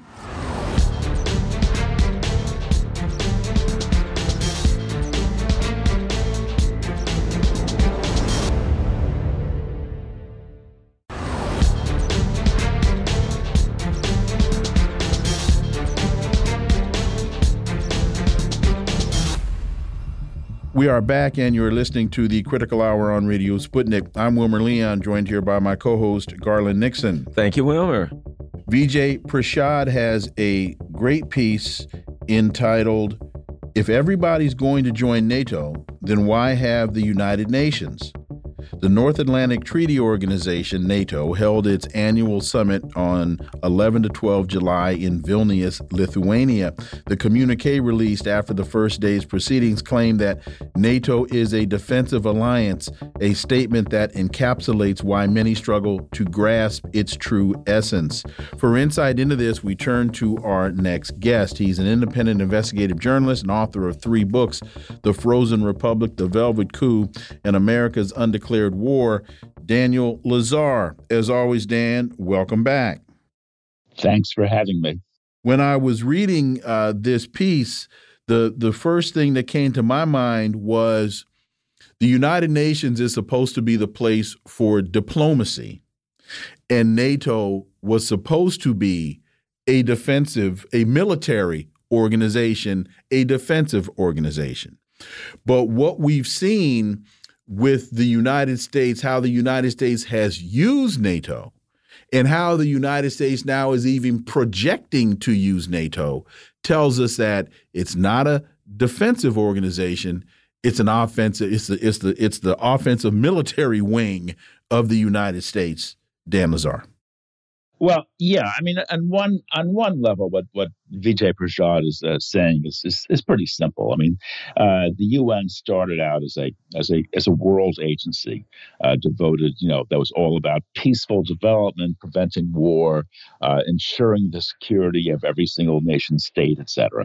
But in 1949 uh, the U.S. Uh, you know the U.S. developed NATO, the North Atlantic Treaty Organization, and created a uh, military alliance among all those countries that that claimed to be threatened by the uh, the Soviet Union, and a military alliance which was really offensive in nature rather than defensive, and that was clearly part of a general effort by the U.S. to encircle Russia uh, and to kind of beat it back down. Um, uh, but since the, I mean, and, and, and Prashad, you know, traces this back to the 1950s, where, you know, where the U.S. increasingly uh, thought of NATO, NATO in global terms uh, as a an alliance not only aimed at repelling a Russian thrust at uh, at at Europe, but um, uh, an, an alliance, you know, bringing all the anti-communist countries in the world uh, under a, you know, into a single, you know, military faction. Um, and since the demise of the Soviet Union in 1991, uh, uh, this this this this has been realized in spades because you know, of course, members of the of the old Warsaw Pact have peeled away and joined and joined uh, uh, NATO. Uh, in 2008, uh, NATO invited uh, the Ukraine and Georgia to join as well, uh, and so um, so essentially, America is trying to marshal uh, all the countries in the world against a grand uh, in a grand alliance against Russia and China, and as well as Iran and a few other countries, a few other countries too. Um, but the point is, it's not working. The point is the the war in Ukraine is going so badly that you know. So yeah, Trump has has achieved. I mean, uh, Joe Biden has achieved an unprecedented degree of of NATO unity. But to what end? I mean, what does unity ma- uh, matter if the Ukrainian offensive is failing? and Russia is prevailing on the battlefield. So essentially, I think that the, the NATO bubble is about to pop uh, once and forever. And um, Dan, when you say NATO unity, in light of the Nord Stream attack, in light of what we hear, you know, so the mumblings of uh, Macron and Orban and some of the people that are saying, "Hey, this is not working well. We don't want to, you know, join this thing with China." Unity is based on some kind of a glue that holds a group together. Mutual and, benefit. Right. And the glue that seems to hold them together seems to be the U.S.'s um, uh, uh, you know, but, but, like like Nord Stream, you know what I mean? Violence and coercion. It seems to me that NATO's held together through co coercion against its members. Your thoughts, Dan? Well, I think what's I think what's I, I think what's held NATO together is victory. I mean, essentially, NATO was victorious over the Soviet bloc, uh, which was you know a, a huge victory after uh, 35 years or so, um, or 45 years or so. Uh, uh, and that victory is what brought in all these new recruits, uh, you know, uh, these countries in Scandinavia, Eastern Europe, etc. Uh, but now it's losing a big, big war. And when you lose, all those things go into reverse. Um, and suddenly, suddenly Germany remembers, oh yeah, you know, who blew up Nord Stream? And other countries start, start you know, remembering all the bad things the U.S. has done. So what what is brought together in one epic quickly unravels in another epic. And I think that's what we're seeing happening. That's what we're going to see happening now that the situation in the Ukraine is is turning out so badly. And I was, I was going to, I'd point out that today's Wall Street Journal and New York Times have uh, both have major articles discussing how grim the situation is in the eastern Ukraine. And what subtle or not so subtle message does that send to you that articles of this nature are now in such prominent American slash Western media outlets, and they aren't the only two that are carrying articles of, of this nature. And also, what does it say to you about the outcome of Ukraine as it relates to NATO when this was the predictable outcome. This is no surprise. We've been on this show since before this thing started uh, in February. Uh, Scott Ritter was on this show weeks before this this atrocity. The United States started this fight, and Ritter was saying there's no way possible that NATO can carry the day. They don't have the troops. They don't have the armament. They don't have the equipment. They just don't have it. This is going to fail. Scott Ritter has Scott Ritter has been very consistent on that point, and history is proving him to be right. So, Dan Lazare. Yeah, I mean, first of all, what, what these articles tell me is that, that they appear in two papers that have been among the most prominent cheerleaders for the war. So if even they they're admitting the war is going badly, then that, what that tells me is uh, the war is really, really going badly. Um, number two, what this means for the Ukraine is that the, the U.S. maneuvered the Ukraine into this this dead end. I mean, the U.S., you know, the U.S. spark, you know, was solidly behind to a great extent, sparked the 2014 coup d'état, which essentially tore the country in two, where there was a a Ukrainian nationalist revolt in Kiev and simultaneously an equal and opposite Russian revolt in the eastern part of the country. Now, of course, NATO wants to blame that exclusively on Russia, but you know it's just not true. Um, and so, and so, they essentially set U- Ukraine up for a war the Ukraine couldn't possibly win. And now the Ukraine is paying the consequences. And those consequences could be dreadful. We don't know, but we can imagine all kinds of terrible things that that that could ensue. And the third thing this tells me is that NATO is irresponsible. I mean, it doesn't know what it's doing. I mean, it set it sets up small countries for war. Uh, you know, it, it plunges them into destruction, and then it shrugs its shoulders and walks away. So if I was a, a country on the scale of Ukraine, I'd say like, you know, I'm not going to I'm not going to you know let let NATO, you know, come near, because if they do, then you know then then my goose is cooked. My situation will end in utter disaster. So I think that, that I think this spells a a huge comeuppance for the Atlantic Alliance. Well, speaking of the Atlantic Alliance, the other countries um, involved, you know, the at some point, you're Germany, you're France, you're England. At some point, you're going to have elections again. You know, um, you're going to have to answer for the economic disasters you have, and the people are going to be saying, "What, what, what did we do this for again?" Um, your thoughts on the and I'm using this word guardedly since, I mean, if it's an alliance, you don't beat up on people in your own alliance. But how do you think um, things work out in long term as far as Europe? Who's going to get elected? Things like that.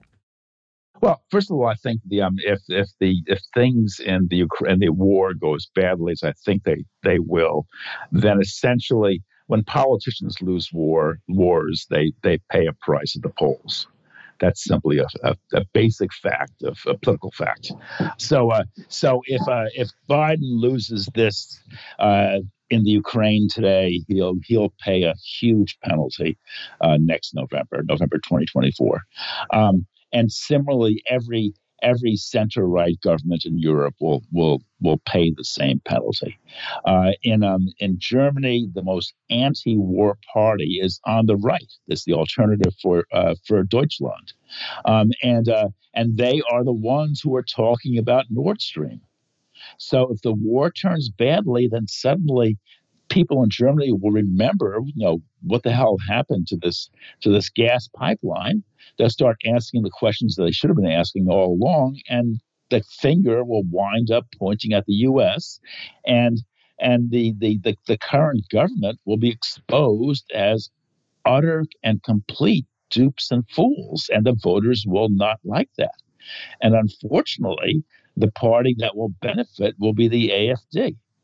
Uh, and the idea of you know of, of you know the the, the ultra right par, uh, party taking power in any country is bad.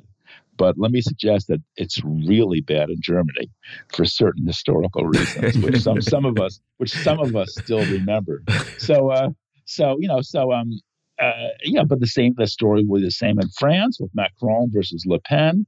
Uh, it'll be the same in Scandinavia, the same in Italy, where actually Giorgia Meloni will face even uh, harder right rivals. Um, so I think uh, I think what it means is that the uh, the, the the the the center right, the neoliberal center, is doomed. You you said if the war goes badly, if Ukraine loses, the war never went well. It, it it always went left from from the time the first shot with missile was fired, and Ukraine has lost. What what hasn't happened is the in the on the battlefield of public opinion, the information war. But even now, with these articles coming out, it seems as though the the West is losing even the information war. And so you mentioned the gas pipeline. Well, I call this now the gas lighting is going dim. And so what is that what is that that's another way I guess of me asking this last question I asked you. What is what does that say to you, uh, Dan Lazare? Well, the, the war in the Ukraine did not always go badly. I mean, the, the, the Russians, the, the Ukrainians stopped the Russian thrust at, at Kiev. Uh, and, and I know that Scott Ritter puts a different spin on it. I don't, I don't agree. I, okay. I think that was a, that was a, a clear Ukrainian victory. And in a, and in, uh, but that was a battle, year, not a war. yes, but later in the year, the Ukraine launched a very, a very um, impressive offensive at, at, at Kharkov. Kharkov, as they as they pronounce it. Okay. And uh, and that was and that was impressive too. And that you know that got that got the, the juices stirring in Washington, Paris, London, etc. Uh, but now, a year later, reality is setting in. The uh, the, the the the the new uh, Ukrainian offensive, which was supposed to start in the spring and now is starting in the summer, is petering out badly. A, a some kind of disaster is looming, and I think this is a this is going to be a as much a political disaster as a as a military disaster. But we have one minute, and I, and so I think I think up to this point, the Western media, for the for a great degree, you talked about the gas pipeline, has been gaslighting, and so again, the narrative is changing, and the, and the the administration seems to be losing its ability to control the narrative. Thirty seconds. Yes, I agree. I mean, I mean, I mean, so far the, the, there's a Danish and Swedish investigation of of Nord Stream, and and and both countries have been able to keep it under wraps.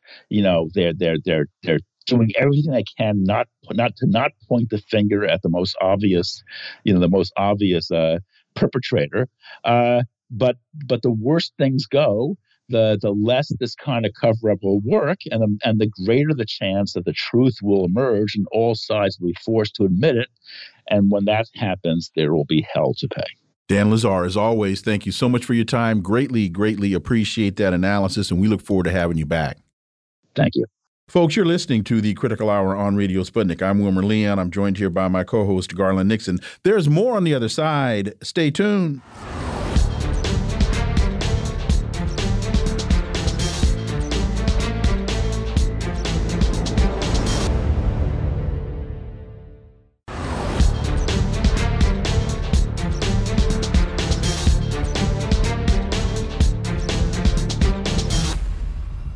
We are back, and you're listening to the Critical Hour on Radio Sputnik. I'm Wilmer Leon, joined here by my co host, Garland Nixon. Thank you, Wilmer. The Nation has a piece entitled Why the U.S. Rules Based Order Needs Rethinking.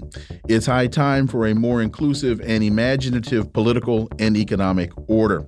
For insight into this, let's turn to our next guest. He's an associate professor of economics at the University of Missouri Kansas City, former president of the National Economics Association.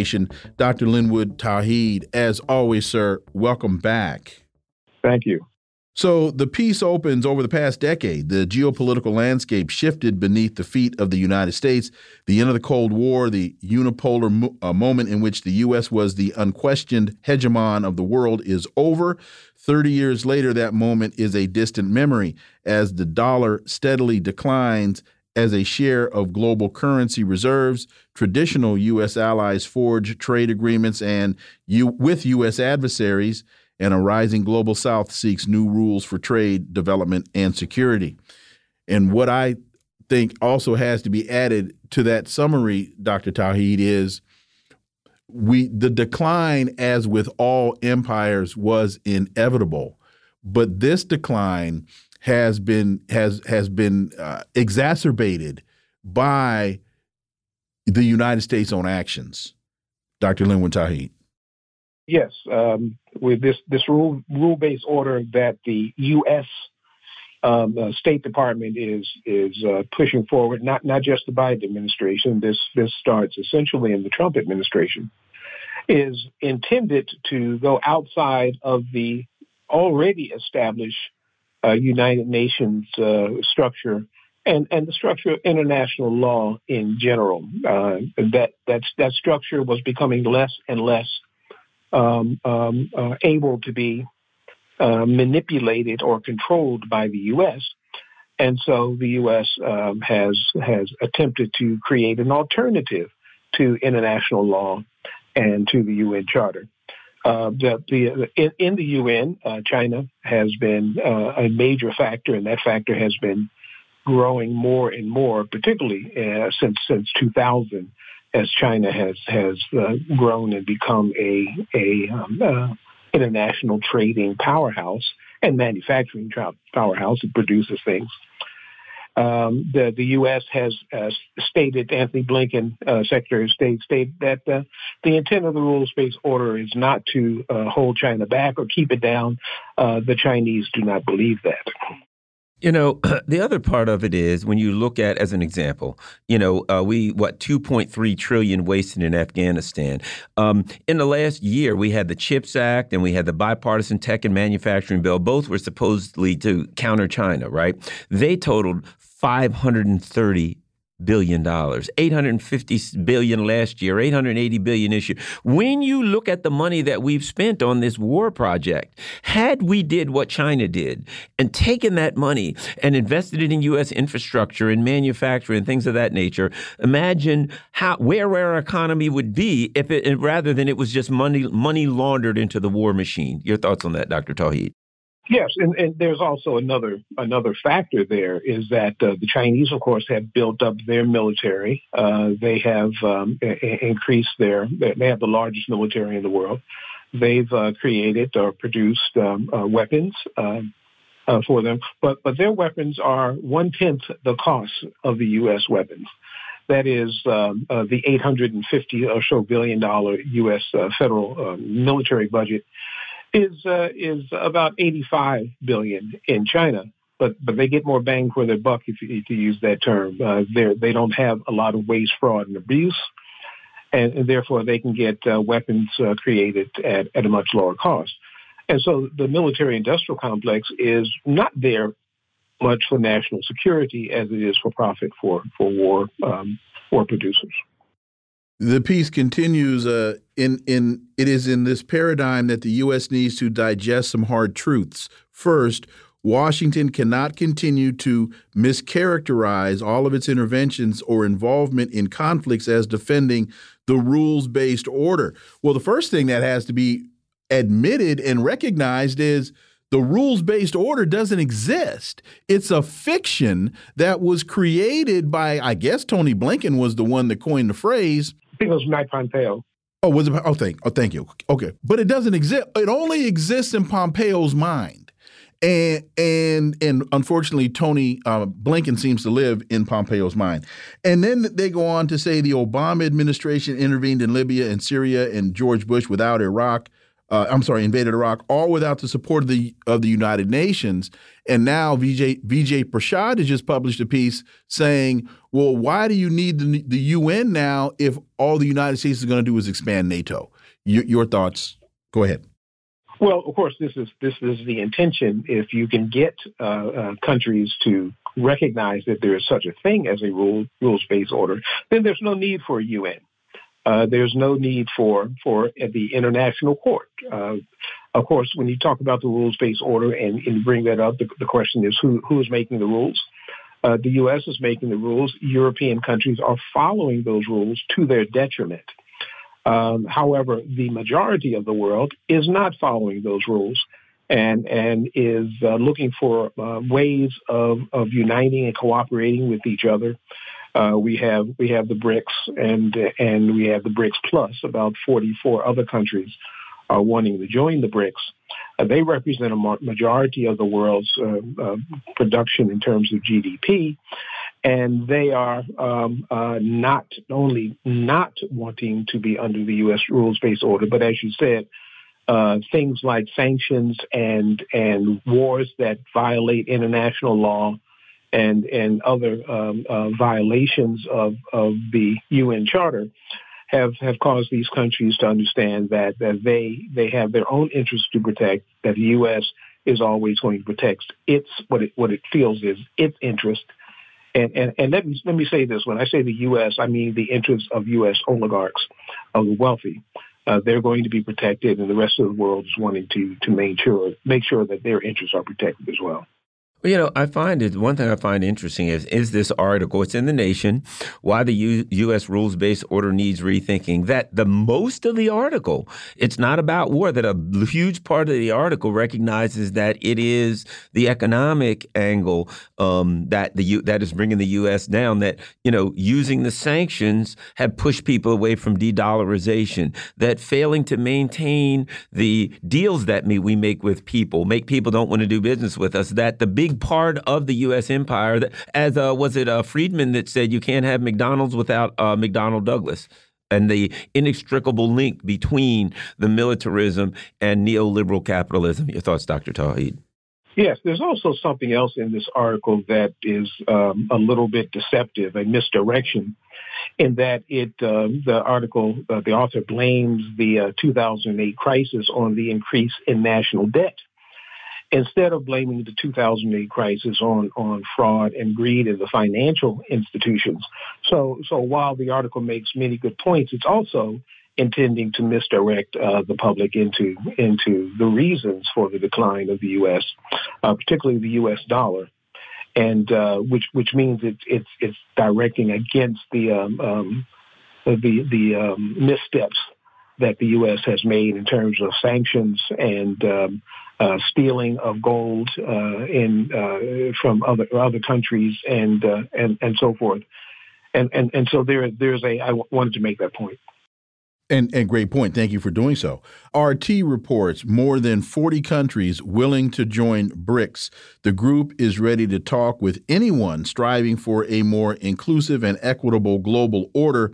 This is according to a, senior South African uh, diplomat. That is a a real shot across the bow for the United States, and it's a reality check that I think lets everybody know that the cows have left the barn and they're not coming back.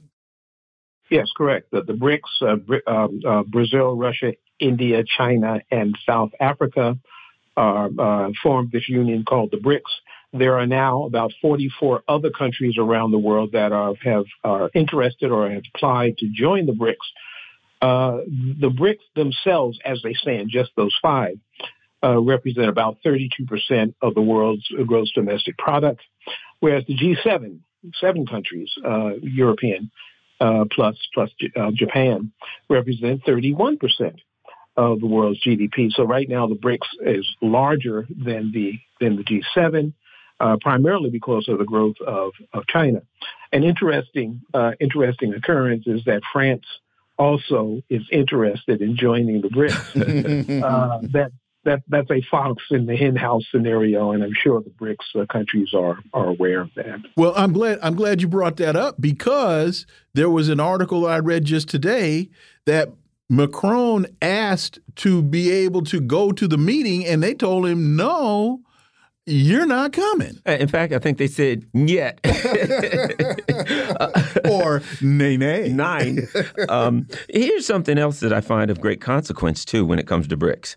When because between the countries that are in and that have asked, you talk about Iran, Russia, Saudi Arabia, Venezuela. You have four of the top five oil producers and two of like the top four when it comes to the uh, amount of gas they have. You're going to create a an energy cartel that basically can control gas um, and uh, and oil worldwide, and that to me makes it.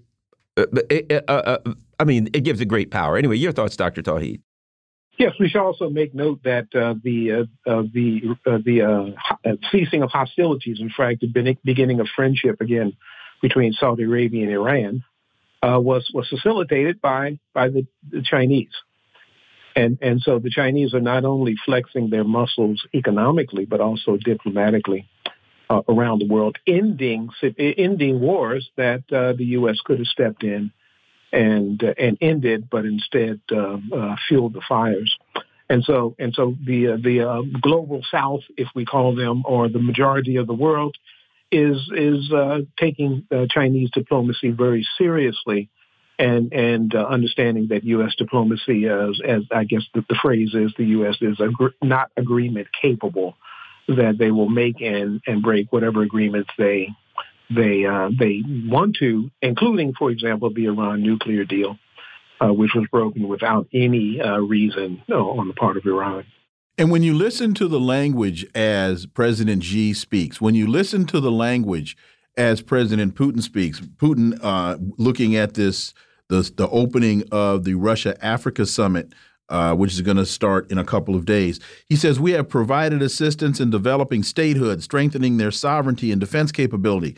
Much has been done to create sustainable foundations for national economies. All of that speaks to cohesiveness, cooperation, and development instead of oppression, genocide, and militarism. Uh, yes, yes, well said. I have nothing, nothing to add to that. I think, uh, I think it's it's very much uh, an understanding that the the position of, of Russia and China in this in this in this process is uh, what that position was during the original Cold War. That that Russia, um, uh, as opposed to the U.S., does not have 800 or so military bases around the world. Um, uh, the Soviet Union, of course, um, had its expansion of its territory, but Russia is um, uh, and, and, China do not do not have military bases uh, very far from their borders, and certainly certainly not on the other side of the world. And, you know, the thing about the U.S. coalition is it's been an anti communist, anti socialist alliance wherein BRICS, well, number one, some of the countries at the top are socialist, but it seems to be open to all. Your thoughts? Well, this is this is the pronouncement from the from the BRICS um, um, uh, delegation, is that they're open to cooperation with with all countries, not just countries that are, are pursuing particular economic ideology. And uh, as uh, President Putin delivered an address, a written address, the first thing he talks about is historically, we have been anti imperialist and we have defended African countries in their struggles against imperialism. So, to your point about uh, the Cold War, we are now seeming to come back right to that whole conflict imperialism versus anti-imperialism. We got about 20 seconds. Well, South South Africa's uh, involvement in joining the BRICS uh, is is emblematic of that. I mean, South Africa was was was helped in its struggle uh, by by Russia, either directly or or through uh, Russia's support of Cuba. Uh, Cuba providing uh, not only soldiers uh, in, in in the struggle, but also um, uh, social, uh, medical, mm-hmm. and other kinds uh, and other, other kinds of aid. That this this poor country uh, was involved in the process of, of helping South Africa become become liberated, and it was funded by by the Russians. Dr. Linwood Tauheed, as always, sir, greatly appreciate your time, your analysis, and we look forward to having you back. Thank you, sir. Folks, you're listening to the Critical Hour on Radio Sputnik. I'm Wilmer Leon. I'm joined here by my co host, Garland Nixon. There's more on the other side. Stay tuned.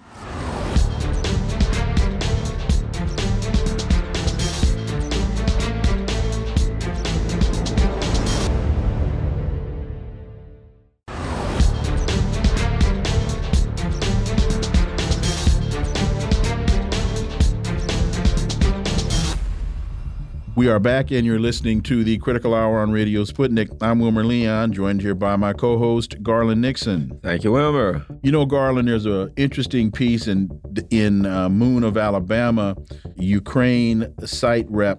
Reality defeats the war narrative.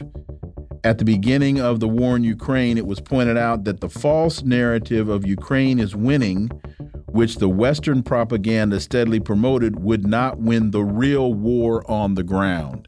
And as we've been talking about with other guests throughout the show, when the Wall Street Journal starts to just very clearly not only admit, but expose in detail the fact that the administration knew Ukraine wasn't ready for this, but sent them out there anyway that is a tremendous shift in the war narrative from one of the elements that was promoting this propaganda war. You know, uh, um, the the, uh, the uh, over at Moon of Alabama, they have a great article, and what they talk about, I, I, love. They talk about Alastair Crooke's article a week or so ago, where he said hubris consists in believing that a contrived narrative can, in and of itself, bring victory. You know, there's been a lot of um, a lot of books written on the difference on, on these types of things. How the, there's one written on one the, how the brain works. There's another one written on neoliberalism, and what they talk about is kind of the foundation of neoliberalism. You know, it's this: tax cuts. Why? If we just cut taxes, it'll make the economy better. Well, if we just give more money to the rich, it'll somehow trickle down to the. Well, if we just send another M triple seven or whatever the wonder weapon is over to Ukraine, then suddenly they'll defeat the, the they'll defeat the. Um, they'll defeat the Russians. It's kind of like a foundation of neoliberalism that we've been living through now since the 1980s, where they simply come up with some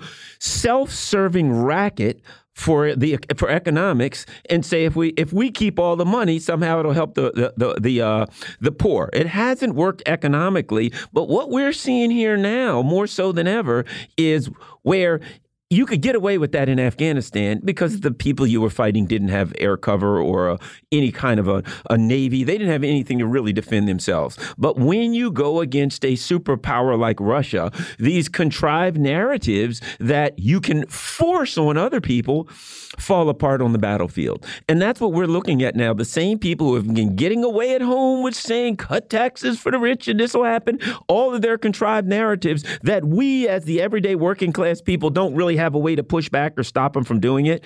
When you face a peer power on the battlefield, reality comes out. The uh, the sad part of this really Wilmer is this. that we so much don't feel it as much as, say, the Europeans who are struggling much more economically than Americans. And Americans are struggling economically, as the Ukrainians who are dying by and wounded by the hundreds of thousands. So even now, the U.S. isn't feeling the pain of this narrative versus reality struggle. But I do believe that at some point, those chickens are going to come home, home to roost through dollarization and other things. Well, a lot of what you're speaking to also has to do with propaganda. And when you go to start talking about propaganda, you're talking about Frank Luntz, who is uh, a, a Republican pollster and spinster.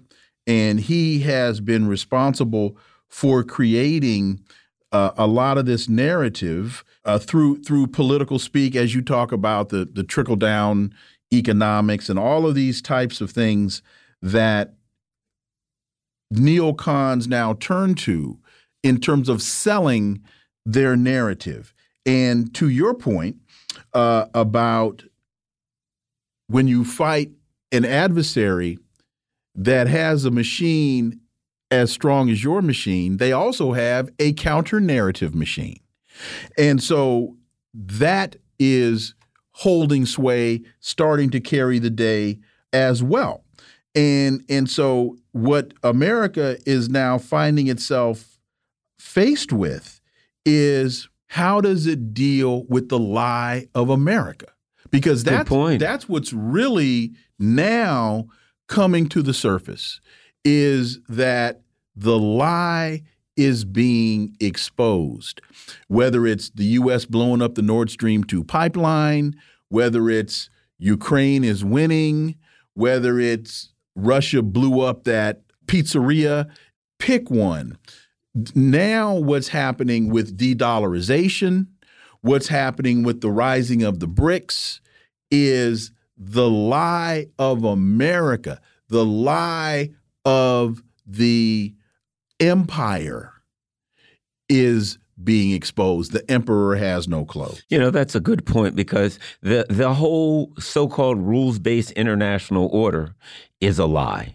It's a lie that it's based on rules. It isn't based on rules. It's based on hubris and it's based on raw, naked economic and military power. Number one, and then and and the the lie that it that the so-called U.S. world-led order is something that anyone else other than the U.S. would want to be part of. The reality is coming out. Ukraine's bringing out so many things, but if we look at Africa, Latin America, the Middle East, what we're seeing also here is that you're looking at countries. The only reason that they would would that that they went along with this so-called rules-based order is because of fear of being having their governments overthrown, mm-hmm. blown up, attacked, some kind of coercive measure taken having, having their assets seized. Exactly. They were they were acted under fear of coercion, and when it comes down to it, I believe that the time will come that the same thing will happen in Europe. That the European countries will, will, will also realize that the so called rules based international order that Tony Blinken crows about all the time is held together through coercion and naked power. Excuse me, not power, because power is only power until you use it. Then it becomes force. So that the entire order, the U.S. empire, internally and externally, holds its coalition together through threats and force and coercion, and that any um, group, any alliance that's held together through force and, and, coercion, sooner or later, the people who are uh, in that alliance will get their day in court. They will get their other opportunity. And now there's these these other countries are seeing other economic opportunities. Even Macron in France is starting to look at look at BRICS. People see the future, and the future is not with a coercive empire that lies to everybody in the world, and in its, in most particularly to its own people. I will I'll say this: the lies and the information war was not against Russia; they were against the American people. Absolutely. And Karl Rove said in 2004, "We're an empire now, and when we act." We create our own reality. And while you're studying that reality judiciously as you will, we will act again, creating other new realities, which you can study too. And that's how things will sort out. We're history's actors, and you, all of you, will be left to just study what we do. Well, Karl Rove, Bush's brain, it's a tectonic shift in the landscape. And other countries now, not individually, but uh, collectively, are joining force and are understanding that their economic interests rests in their own hands. They're moving off the dollar. They're forming their own energy consortiums. They're banding together and as they realize that there is power in numbers, hence the BRICS, 40 countries want to want to join BRICS. You mentioned Macron wanting to go to to the meeting in South Africa, and and BRICS have said no, you're not welcome. So the shift is turning. We are an empire now, and when we act, we create our own reality. Well, folks have pulled back the curtain they are looking at the man behind the screen and they realize that uh, there is no wizard. And and it, you know, it, I think it's also important for people to understand when we say that that the empire is waning, that that just means that the power dynamic is shifting. No, the United States isn't going to blow up. No, the United States isn't going to fall into the ocean. No, no, it's just there's a new economic and now military dynamic that people have to recognize. And when the United States says jump, the rest of the world doesn't ask how high. And you know, it's funny because I think we're going all the way back. What we're doing is we've rid, rid, gone all the way back, however long it was 2,400 years, whatever it was, to Socrates and Plato's discussion about forms, right? Mm -hmm. What is reality? Now, I think in this instance, and the allegory of the cave, right? We're looking at uh, what the, the neocons saying that reality is whatever I say it is. If I say this, if I create this thought, if I create this belief, that's reality. That don't work when there's artillery fall, falling because that's a different that's a different, different kind of form. That's a different reality. Yeah. So you can have that argument when you're sitting at a table in Greece about, well, if I come up with an idea versus this table, which is reality. Or but, when you're in Aspen. Exactly. But when you're on the battlefield and there's artillery around you, then it becomes a, a, a, a the kind of form that you can't run from. And then what the neocons are running into is their reality of thoughts and beliefs and things of that nature is running into the reality that the other countries have to eat. The other countries can't. African countries, Latin American countries, they, they can't grain. Right, they can't afford to go with you against Russia because they get things from Russia that they need to survive, and they can't play that game anymore. And they get these things from Russia in a different way. They get these things from Russia on a balanced playing field. They get these things from Russia and they don't have to worry about being invaded. They don't have to worry about coups. They don't have to worry about their governments being overthrown. They don't have to worry about their resources being stolen on for pennies on the dollar. So the entire dynamic is shifting and the sooner Americans start to understand that and force the elite in this country to deal with that reality, the better off we're all going to be. But if Americans just consider just sit back and allow the so-called leaders to continue down this path, folks, it's an incredibly perilous rabbit hole that uh, y'all gonna find yourselves trying to trying to deal with. Let me say, you've been listening to the Critical Hour here on Radio Sputnik. We want to thank you for allowing our voices into your space on behalf of myself and my co host, Garland Nixon. We hope you were informed and enlightened, and we look forward to talking with you all right here tomorrow on Radio Sputnik. Be safe. Peace and blessings. We're out.